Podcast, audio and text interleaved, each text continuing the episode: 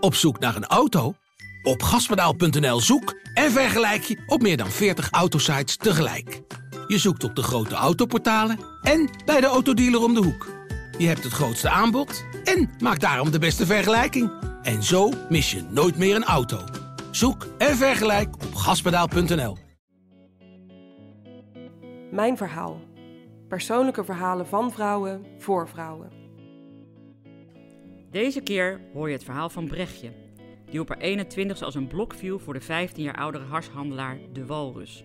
Geen man die je zomaar aan je ouders voorstelt, maar ook een man die het leven ten volle leefde, tot zijn lichaam zijn extravagante leefstijl niet langer bij kon benen en zijn dood een einde maakte aan hun onstuimige relatie. Als, als iemand mij ooit het gevoel heeft gegeven van dat hij er als vanzelfsprekend voor mij was, dan was hij dat. Welkom bij Mijn Verhaal, een podcast van Margriet. Ik ben Marijke Kolk en dit is het verhaal van Brechtje. Als je daar nu aan terugdenkt aan die periode, dat is natuurlijk best een tijd geleden, nogmaals, je was hè, in de twintig, je studeerde nog. Ja. Waar denk je dan als eerste aan? Eh, als eerste heb ik vooral een heel goed gevoel. Dus ik heb het als een eh, hele mooie tijd ervaren. Het was ook een krankzinnige tijd. Met heel veel feesten en eh the sky is the limit. Maar als je mij vraagt wat, eh, als ik aan de walrus denk, en daarmee dus ook aan die tijd, dan denk ik toch vooral veel meer aan een veilig gevoel. Hij heeft mij heel veel veiligheid gegeven. Wat natuurlijk absoluut niet is wat mensen associëren met die wereld. Dat begrijp ik ook. Maar dat was misschien meer wie hij was en niet de wereld, maar meer wie hij was. ook. Ja, dat was zeker wie hij was en het was ook wat ik nodig had op dat moment. Het was denk ik allemaal. En mis je dat nog? Ja, nee, ik mis wel. eh, vorige winter zat ik een paar maanden in eh, Frankrijk in een landhuis. En eh, de Walrus had ook een, een huis in Frankrijk. En toen miste ik hem echt heel erg qua dat ik dacht: oh, hoe zou het zijn als hij er nog was? Hm. Dus in die zin mis ik dat. Maar ik merk wel dat ik gewoon een, een heel ander persoon ben geworden. Waarom heette hij eigenlijk de walrus? Nou, eigenlijk eh, heb ik hem gewoon zo genoemd. Ja, Dus ehm, het was een hele grote man, hè? hij was niet zozeer heel groot, maar vooral heel breed. Heel breed. Het is wel- hij was maar iets groter dan ik en ik ben eh 1,78. Maar hij was vol. Moet Hij was dat behoorlijk vol. Hij was behoorlijk Hij vol. hield ook heel erg van het goede leven. Was dat ook waar je voor viel? Nee, waar ik echt op viel, was eigenlijk zijn levenslust. Zijn levenslust en zijn joie de vivre. ehm, ja, het, alles was altijd mogelijk. Hij was absoluut niet iemand die in hokjes dacht. Het sfeertje was ook toch nog wel een beetje dat eh, eh, hippie-achtige sfeertje. Amsterdam was toen heel anders. Maar ook die wereld waar hij in rondliep, ja, daar kan ik van alles van vinden. Maar ik had heel veel moeite met wat hij deed toen. Eh, maar ehm, het mooie van die wereld was ook wel dat iedereen liet elkaar zichzelf zijn. Er liepen mannen in pakken rond en mannen in trainingsbroeken en halve hippies. Iedereen deed gewoon waar hij zin in had en dat kon ook prima. En En dat uiteindelijk was het natuurlijk ook de niet, niet de hardste kant van de criminaliteit, als je het over Nee. drugscriminaliteit hebt. Nee, Dat dat, was het veel, absoluut niet. Het was, eh, dat is ook goed dat je dat zegt, want dat is nu bijna niet meer voor te stellen hoe, Ja. Hoe anders dat was. Ook hoe anders deze stad was. Hè. We zitten hier nu eh, in de staatsliedenbuurt. Ja. Nou, toen jij hier net binnenkwam, hadden we het al even over de gigantische huizenprijzen hier. Maar dit was in de jaren negentig gewoon nog een afbraakbuurt. Ja. Weet je, met dichtgetimmerde panden en zo. Eh, dus dan zie je hoe die stad is veranderd. En ehm, het was natuurlijk toen ook nog een stad vol coffeeshops. Hè, er zijn er ook heel veel van dicht, vind ik op zich goed. Eh, maar nou ja, toen was dat gewoon onderdeel van de stad. Ja. En ik denk dat onderdeel van de stad was toen ook die gigantische hashhandel. Het is totaal uit de hand gelopen. Maar dat was toen wel onderdeel van hoe de wereld was. Ja, en misschien was het wel veel meer pionieren dan het nu is. Nu is het gewoon veel, veel meer harde za- zakenwereld met allerlei afrekeningen geworden, denk ik, dan toen. Als je dat De, vergelijkt. de criminele wereld is dat zeker. En bij die hashwereld is het altijd de vraag natuurlijk of je dat onder de criminele wereld moet vatten. Ja. Omdat het in Nederland zo'n beetje ertussenin hangt. Hè. Nou is het ook wel weer zo eh, dat wat die hashhandelaren deden was bepaald niet alleen de coffeeshops bevoorraden. Het ging veel naar het buitenland. En dat is gewoon niet meer zo. Die wereld bestaat niet meer. Dus Nederland was een doorvoerland daarin. Maar dat, Dat is niet meer. En de criminaliteit is nu verschrikkelijk hard. En ook een heel ander slag mensen wat daarin Ja. uh, bij, bij de Walrus uh, op kantoor, de handel ging op in kantoren in die Ja. tijd, die allemaal in de binnenstad zaten. Maar daar kwamen ook mensen te- uh, langs die gewoon fotografen bij de Volk waren. En die hadden ook een lijntje op het buitenland. Nou, zie jij je collega's nu eh, bij, Ja, dat, met eh, een lijntje?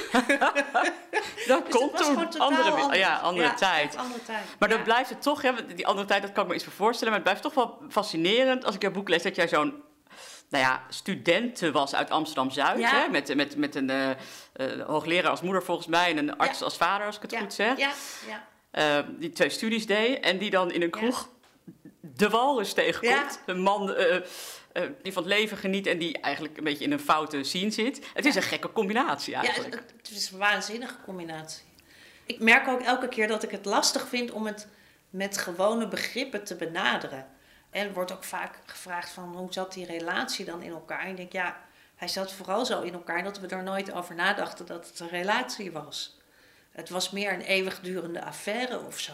Maar was, het wel, was jij wel zijn exclusieve partner? Ja, dat wel hoor. Dus het zat niet zozeer op die Hm. exclusiviteit. Eh, maar ehm, het zat er meer op dat ik eindeloos heb getwijfeld of dat nou wel kon. Volgens mij was ik in het begin net zo wezen vreemd voor hem als, als hij voor mij. Weet je, ik kwam inderdaad uit Amsterdam-Zuid. Ik was eh, begin twintig. Ik las de Vrij Nederland. En ik wist dat, dus hoe de wereld in elkaar zat. En hij las de Telegraaf en was, was een man van de drankjes en de gezelligheid. Ja. En, eh, waar viel hij op, denk je, bij jou? Nou, ik denk eigenlijk op ehm, het, eh, het onafhankelijke. Ik geloof dat ik hem echt altijd tegensprak. Ik was ook niet bang voor hem. En doordat ik ook op geen enkele manier ooit afhankelijk van hem ben geweest, bleef die relatie ook heel zuiver. Weet je, kon ik ook elk moment denken, nou dan ben ik gewoon weg. En dat was voor hem ook heel raar en heel anders dan hij tot nu toe had meegemaakt. Maar hoe kon jij dat? Want je was wel heel gek op hem. Ik denk dat ik heel lang wel altijd een voorbehoud heb gehad. En, en daar zat ik ook nog over na te denken vanochtend. En toen dacht ik, eh, ja, dat had ik zeker bij hem. En dat zat op dat hij eh, te oud was en te dik was. En natuurlijk ook nog een huishandelaar was. Nou, dat was allemaal dingen waarvan ik vond dat het niet kon. En tegelijkertijd trok hij me aan als magneet. Dat, dat was ook weer zo. Hè? Want hij gaf me een ontzettend veilig gevoel. En vooral het ge- vanzelfsprekende dat, dat ik perfect was. Ik was boven alle twijfel verheven. Jij was een soort prinses, zo behandelde je ook. Ik bedoel, hij gaf me ook wel veel bloemen en cadeaus en, en dat soort dingen. Maar je kunt ook iemand veel cadeaus geven en eh, tegelijkertijd iemand de grond inpraten. Dat zie je natuurlijk ook heel vaak gebeuren juist. Eh, dat, dat, dat vriendinnen een beetje zoet worden gehouden met cadeautjes, maar ondertussen juist minder zelfvertrouwen krijgen. En hij was dat absoluut niet. Als, als iemand mij ooit het gevoel heeft gegeven van dat hij er als vanzelfsprekend voor mij was, dan was hij dat. Dus dat vond ik heel mooi aan die relatie. Ja, want ik kan me voorstellen, want jij zegt, hij, hij bood me aan de ene kant een enorme veiligheid in, in wie Ja, hij wat was. idioot is natuurlijk, want hij liep helemaal niet in een veilige wereld. Nee, want, want ik, er- in mijn boek schrijf je ook op een gegeven moment een pistool onder zijn kussen vindt. en dan denk ik, dat is juist natuurlijk totaal niet veilig. Nee, maar zo werkt het dus blijkbaar wel. In ieder geval in mijn hoofd, maar ik denk vaak hè, dat eh, zoiets is een gevoel wat je bij iemand hebt. Het gevoel dat hij goed voor mij is. Ehm, en niet zozeer wat er omheen gebeurt of het beeld wat mensen daarbij Nee, hebben. ik denk ook dat veel mensen een bepaald beeld hebben bij nou ja, een artshandelaar. Terwijl het was eigenlijk een hele slimme man, als ik het boek Ja, lees. het was absoluut een Hij wist ook veel van kunst en Ja. van eten. en Van... Ja, dat was heel erudiet en Ja. eh, gevoelig. Maar hij liep natuurlijk ook wel rond in, af en toe in een wereld van halve Neandertalers. Dus ik was ook altijd bezig om hem te heropvoeden. Nou, dat had hij echt nog nooit meegemaakt. Maar dat kon hij wel accepteren dat je Ja, dat... nou, ik denk dat hij er heel veel moeite mee had. Maar ik denk ook echt dat hij in het begin net zoveel moeite met mij had als, als ik met hem. We waren er allebei alleen maar verbaasd over dat het, dat het bleef bestaan. Ik denk echt dat hij dacht van, wat, wat, wat komt hier nou mijn wereld binnen? Wat was het gezamenlijke wat jullie hadden? Want er moet ook iets zijn waarop je toch Ja. connect, zeg maar. Ja, ik denk echt een soort van zielsverbondenheid. Er, er was ook veel natuurlijk wat je kan zeggen van... eh, ik, ik vond de veiligheid die hij bood heel fijn en hij was open-minded. Uh, nou, dat was denk ik ook wel trouwens heel erg iets waar, wat we allebei hadden. En wat hij er bij mij veel meer uitkreeg. Dus het niet in hokjes denken en leven en laten leven. Ik kan me ook voorstellen dat je nu je 50 bent ook wel kan terugkijken en nu kan zien van waarom viel ik op hem. Ja, ik ben opgegroeid in Amsterdam-Zuid en uh, heb uh, aan mijn vroege jeugd eigenlijk best heel mooie herinneringen. En ik heb ook hele lieve ouders, dat wil ik er ook even bij zeggen, want ik vind het altijd, dat blijft voor mij heel lastig om een soort, het voelt snel toch als een soort kritiek op je eigen ouders maar dat gezegd hebbende zijn er toch ook wel een paar dingen behoorlijk fout gegaan bij ons thuis. En dat gebeurde allemaal uh, in mijn puberteit. Ik denk dat dat deels was. Uh, mijn ouders zijn allebei in de oorlog geboren en uh, daarna heel hard gaan eh, leren. Mijn moeder was ook in haar Brabantse dorpje waar zij geboren werd, het eerste meisje van de lagere school die naar het gymnasium mocht. En uh, ze kwam uit een heel arm gezin, dus dat was echt enorm bijzonder. En dat heeft haar wel getekend qua dat zij nou, zichzelf eigenlijk uit, uit het moeras heeft getrokken en um, vervolgens heel hard is gaan werken. In een tijd hoogleraar is geworden dat heel weinig vrouwen dat nog werden. Vrouwen waren toen meestal toch nog gewoon huisvrouwen. Of ze hadden een baantje of zo, maar ze mm. werden geen hoogleraar. En, maar ik denk ook pas toen ik er later op terug ging kijken, van, dat ze aan ons wel, mij en mijn zus, een enorme angst heeft meegegeven. Dat als je niet alleen maar tienen haalt, dat je het niet redt in het leven. En het, het ding was dan ook nog dat mijn zus, die haalde alleen maar tienen. Heb je dat ook nog, ja? Weet je, ik heb dan twee studies gedaan, maar zij deed er drie cum laude en, en daarna promoveerde ze cum laude en toen was ze ook heel jong hoogleraar. En dat deed ze er een beetje bij, zeg maar. Dan deed ze nog drie carrières daarnaast.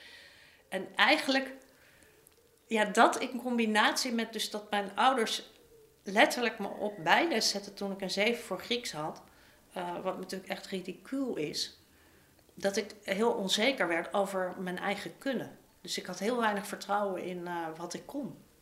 Terwijl als, ik, als je daar naar kijkt, dan denk je, ja, hoe kan iemand nou die, die twee studies doen? Ik deed gewoon braaf mijn twee studies. Ik had, ik had het gymnasium toch gehaald, ook al had ik geen 100 voor de CITO-score. Het was gelukt, weet je. En, en het was ook helemaal niet dat ik de hele dag op dat gymnasium rondliep met het idee van het gaat niet lukken. Maar ik had wel altijd het idee van nou, op een gegeven moment val ik door de mand. Het idee dat je aan verwachtingen moest voldoen. Ontzettend. En ik kan me voorstellen, bij de Walrus hoeft hij totaal niet aan verwachtingen nee. voldoen. En dat was om wie hij was. Ja.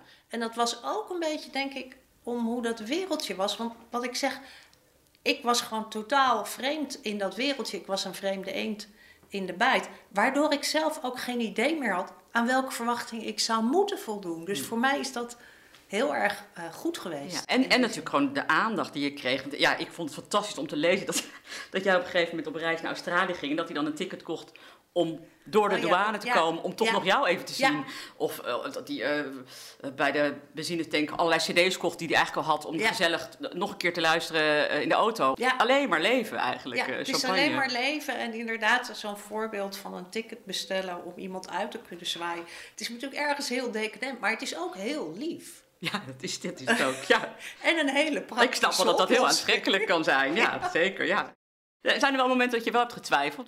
Ik heb sowieso gewoon heel vaak daaraan getwijfeld. Door. Waarom ging je toch door?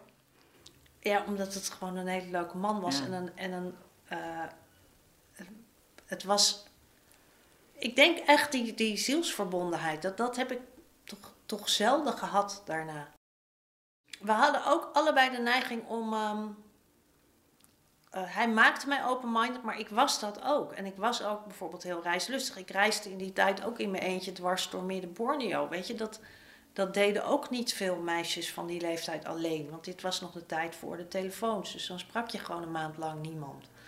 En hij vond dat heel leuk aan mij, maar dat wist hij ook heel erg te stimuleren. En ik bij hem ook, waardoor je ja, eigenlijk samen het gevoel ook hebt ergens dat je de wereld aan kan. Dus hij haalde ook het beste uit jou eigenlijk. Ja. Uh, en jij misschien ook wel uit hem uiteindelijk. Ja, dat, dat hoorde ik later ook van heel veel mensen. En mensen zeiden ook, we hebben zelden gezien dat mensen zo van invloed op elkaar waren. Want ik was hem dus de hele tijd aan het opvoeden, maar ik vond ook eigenlijk dat hij belasting moest betalen en zo. Ik had mijn hele normen- en waardepakket. En hij veranderde daar ook wel weer door. Hij, hij ging in nettere auto's rijden. En, het is ook, hij ging zelfs zijn was naar de stomerij brengen. Daar was hij altijd erg... Uh, zei, nou, dat ga ik nooit in mijn leven doen. Toen dacht ik, nou, wacht maar. toch gelukt, toch gelukt. Maar wat hij, wat hij wel bleef doen, um, is natuurlijk veel ja, levensgenieten, veel drinken, ja. veel eten. Uh, eigenlijk ja. um, zit, zat, geen, zat geen grens aan bijna. Nee, er zat uh, echt geen grens aan. Nee. nee. nee. En, en dat is ook... Um... En ik denk ook, als je dat combineert met mijn grenzeloosheid... Achteraf dacht ik, was voor hem misschien veel beter geweest... om zo'n traditionele vriendin te hebben die de hele tijd zegt... dat mag je niet doen. Nou, ik denk niet dat hij daarbij was Nee, ik denk het ook niet. Maar als je nou kijkt naar zijn levenspatroon... Hè, dan ja. had hij misschien wel iets langer geleefd. Maar ik merk ook, dat doe ik niet bij mensen. Nee. Weet je? Uh, Nee. En ik denk dat we dat allebei dus bij elkaar heel erg hadden. Elkaar ook Leven vrij laten leven. Ja. wel, Ja. ja, jij komt dus uit dat Amsterdam-Zuidmilieu. Hè? Ja. En wat, ehm, je had net, hebt net een beetje verteld over je ouders en over je moeder. Ja. Wist zij van het bestaan van de walrus, van de relatie die je had? Ja. ja, ze wisten er wel van. Maar wij waren ook een familie die ehm, nauwelijks praatte. Wel over het weer en musea. Uh, maar ik had bijvoorbeeld ook uh, jarenlang bulimia en heel veel tanden zijn daardoor uit mijn mond ge gerold. Daar heb ik ook een paar keer met mijn ouders over proberen te praten. En ik wist bijvoorbeeld ook via mijn tante dat ze wel wisten dat het aan de hand was. Maar er werd niet over gesproken. Nee, er werd echt niet over gesproken. Gek is Wij dat konden gewoon Ja. onderling niet praten en zeker niet dus over zwaktes. Zwaktes en ziek, dat, daar werd niet over gepraat. Dat mocht er eigenlijk niet zijn. Nee. En dat, ik denk dat dat. Hè, zo heb ik het ervaren. Maar nogmaals, ik heb later nog een paar keer geprobeerd met mijn vader. Mijn moeder leefde toen niet meer. Daarover te praten. En die, die, die kan dat gewoon niet. En mijn moeder kon dat trouwens toen ze leefde ook niet. Eh, dus dan. Ja, in dat kader. eh, ze, Ze- wisten van de walrus, maar ze wisten er niet veel van. Maar het, geeft wel het kader aan van hoe wij met elkaar omgaan. Ja, maar ze wisten en het wel. we het over hadden. Maar eigenlijk werd er niet over gepraat. Er werd niet aan jou gevraagd. Goh, Nou, zeker niet van, goh, is het niet een beetje raar ja. dat je met een eh, oude huishandelaar gaat. Maar daar vind ik ook wel weer. ehm, mijn ouders hadden, wat een hele mooie kant van hun was en is, mijn vader leeft nog, is ook juist wel dat ze vrij open-minded zijn. Dus dat, dat ze misschien ook wel vonden van, nou ja, dat is gewoon zo. En hoeveel ouder was hij eigenlijk dan jij? Eh 18 jaar. Nou ja. Want jouw moeder werd ook ziek in de periode dat jij Ja. met de walrus eh, dementerend, hè, Parkinson. Ja, ze had een eh, zeldzame hersenafwijking, wat een combinatie is van dementie, Parkinson en MS. En ik vond een stukje uit je boek heel aangrijpend dat de walrus haar een keer ontmoet. Ja, En ook heel, liefdevol voor Ja. jouw moeder was. Ja, hij kon echt eh, eh, heel goed ook met haar doen alsof zij er gewoon het waard was wie ze was. Dus dat deed hij niet alleen bij mij, dat deed hij ook eh, bij haar. En Eigenlijk zorgde hij best goed voor zijn mensen om, om hem heen, maar niet zo goed voor zichzelf, als ik Ja. jou hoor. heel destructief Ja. uiteindelijk ook. Maar ja, dat is natuurlijk ook een kant van de handel. hè. Ik heb daar goede herinneringen aan, grotendeels dankzij de walrus. Maar het is natuurlijk ook heel veel spanning. Ja, het is, dat kan bijna niet anders. Ja, want het gaat altijd.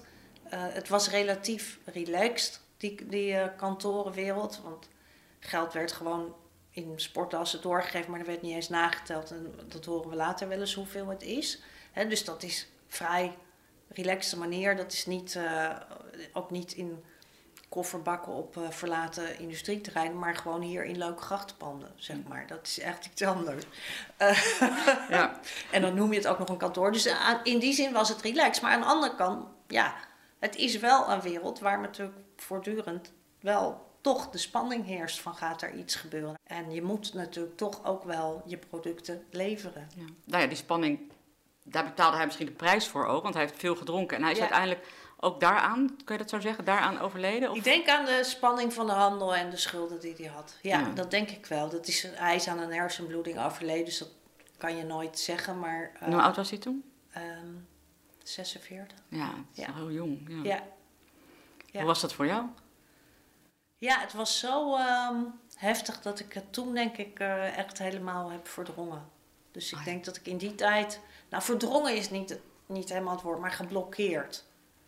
Dus ik ben gewoon eh, doorgegaan. Ik heb eerst ook nog wel in die handel nou, met mensen over de schulden gepraat die hij had. Dat waren niet mijn schulden voor de helderheid. Maar ehm, ja, ik wilde dat toch op een nette manier afronden. Nou, het lijkt me ook wel angstig, want je bent wel zijn vriendin. Dus ik zou Ja. ook wel bang zijn van, oh, straks komen ze naar mij. Of... Ja, ik was er totaal niet bang voor. Nee. Nee, en ehm, ik, ik ben ook niet een heel bang persoon. Ik denk dat dat ook scheelt. Maar ik kan me gewoon geen moment herinneren waarop ik dat echt eng heb gevonden. Nee. Nee, maar ik denk ook dus dat het scheelde dat ik echt in een soort eh, shock was. Het was hoorde jij het? Werd je eh, gebeld? ik werd gebeld, inderdaad. Ja. Had je aan ja. te komen? Ik had het heel erg wel aanzien komen en ook helemaal niet. En helemaal niet omdat ik het echt niet wilde. Dus in die zin het onvoorstelbaar voor mij was. En heel erg wel omdat ik gewoon zag wat er gebeurde. Je ziet iemand die, eh, die altijd zijn eigen leven heeft geleid. En nu eigenlijk dus bijna ook zelf de keuze maakt om het eh, ten gronde te Ja, richten. eigenlijk wel. Hoewel je wel volgens mij, tenminste in je boek staat, wel af en toe riep, ik word gewoon 90. Ja, dat zei hij tegen mij. Om jou gerust te stellen. Ik denk het, want echt in, in die wereld hoorde ik later van allerlei mensen. Ja, iedereen wist dat hij niet oud zou worden. Maar dat, ja, ik denk dat hij hetzelfde had. Dat hij heel graag vanwege mij ook wel 90 wilde worden. Maar dat hij ook wist dat dat niet ging gebeuren. Eh, jouw moeder, die is, die is, is die nou daarna? Ja, die is daarna Daarna overleden. Een paar jaar later overleden. Dus, het- ja. En zij is ongeveer toen eh, de walrus net overleden was, moest zij naar een verpleeghuis. Enorm heftige periode voor Ja. jou. Ja, en dat is het ook. Ik merk dat ik bij de walrus heel erg het idee heb van, nou ja, hij heeft geleefd en hij is overleden, maar hij heeft wel het leven ten volle geleefd. En dit was gewoon zijn keuze om dit zo te doen. En bij mijn moeder, eh, dat vind ik nog steeds traumatisch. Zoals dat eh, is gegaan, ook wel hoe we als familie met haar ziekte zijn omgegaan. En dus als je je kan voorstellen, als je niet over eh, bulimia kan praten, dat je ook over dementie heel moeilijk kan praten. Ehm, en daarbij is het sowieso een gruwelijke ziekte. Dus ik denk dat je er zelden goed mee om kan gaan. Maar ik merk dat dat echt. eh, Ik kan nog steeds niet op tv kijken naar eh, documentaires over verpleeghuizen en zo. Dat is echt hoe snel ik dat uit kan krijgen, hoe beter. Die, die hele periode. Hoe heeft dat jouw verdere leven bepaald of veranderd? Nou, ik denk dat met name de dood van mijn moeder dus heel bepalend is geweest. Dat het echt traumatisch was. Over hoe we als familie met haar om zijn gegaan en de ziekte. Ehm, en ook wel bijvoorbeeld, ik heb geen kinderen en ik, ik vraag me wel eens af, zou ik wel kinderen gehad hebben als mijn moeder niet ziek was geworden? Omdat zij best wel mijn kind was geworden en ik ook voor haar zorgde alsof ze mijn kind was. Ik sleepte er altijd overal mee naartoe. Ehm, waardoor ik, eh, nou toen zij overleed was ik eh 32. En toen was ik zo ontzettend klaar met zorgen voor en eh, dat ik, eh, ja, ook absoluut geen, Ja, geen behoefte had. Ja. aan nieuw leven om voor te zorgen. Ik denk dat ik toch ook wel dacht van, nou nu moet ik misschien vooral voor mezelf eh, gaan zorgen. Dus het is allebei heel erg van invloed geweest. Ik denk bij de walrus dat het, eh, ja, dat het me heel erg heeft geholpen om meer zelfvertrouwen te krijgen. Dus waar ik ben veranderd, is denk ik dat ik eh, in mezelf veel meer heb vertrouwen heb gekregen en in anderen ja, eigenlijk. dat heeft hij dan toch mooi voor elkaar gekregen. Ja, dat heeft hij zeker een hele grote rol in gespeeld. Zou je Ja. tot slot nog een stukje eh, uit je boek over de walrus willen voorlezen? Voor mij was je de walrus, mijn walrus. Natuurlijk komt er nooit meer een walrus. En natuurlijk is het allemaal een illusie. Maar met jou was het wel de allermooiste illusie. We dansten samen op de maan en de aarde draaide ineens om mij. Zo blijf ik aan je denken. Ja, daarna zochten we naar de scherven, maar dat waren scherven van geluk. Soms waren het scherven van wanhoop, of scherven die niet van ons leken, omdat we te dronken waren om het te bevatten. Maar wij, wij lachten daarom. Wij speelden het leven. We besprongen het. Ik ben nog één keer naar je graf geweest. Ik heb er gedanst, een paar pasjes. Dit was Mijn Verhaal, een podcast van Margriet. We vinden het leuk als je op onze podcast abonneert of een reactie achterlaat. Wil je meer inspirerende verhalen horen? Ga dan naar margriet.nl/podcast.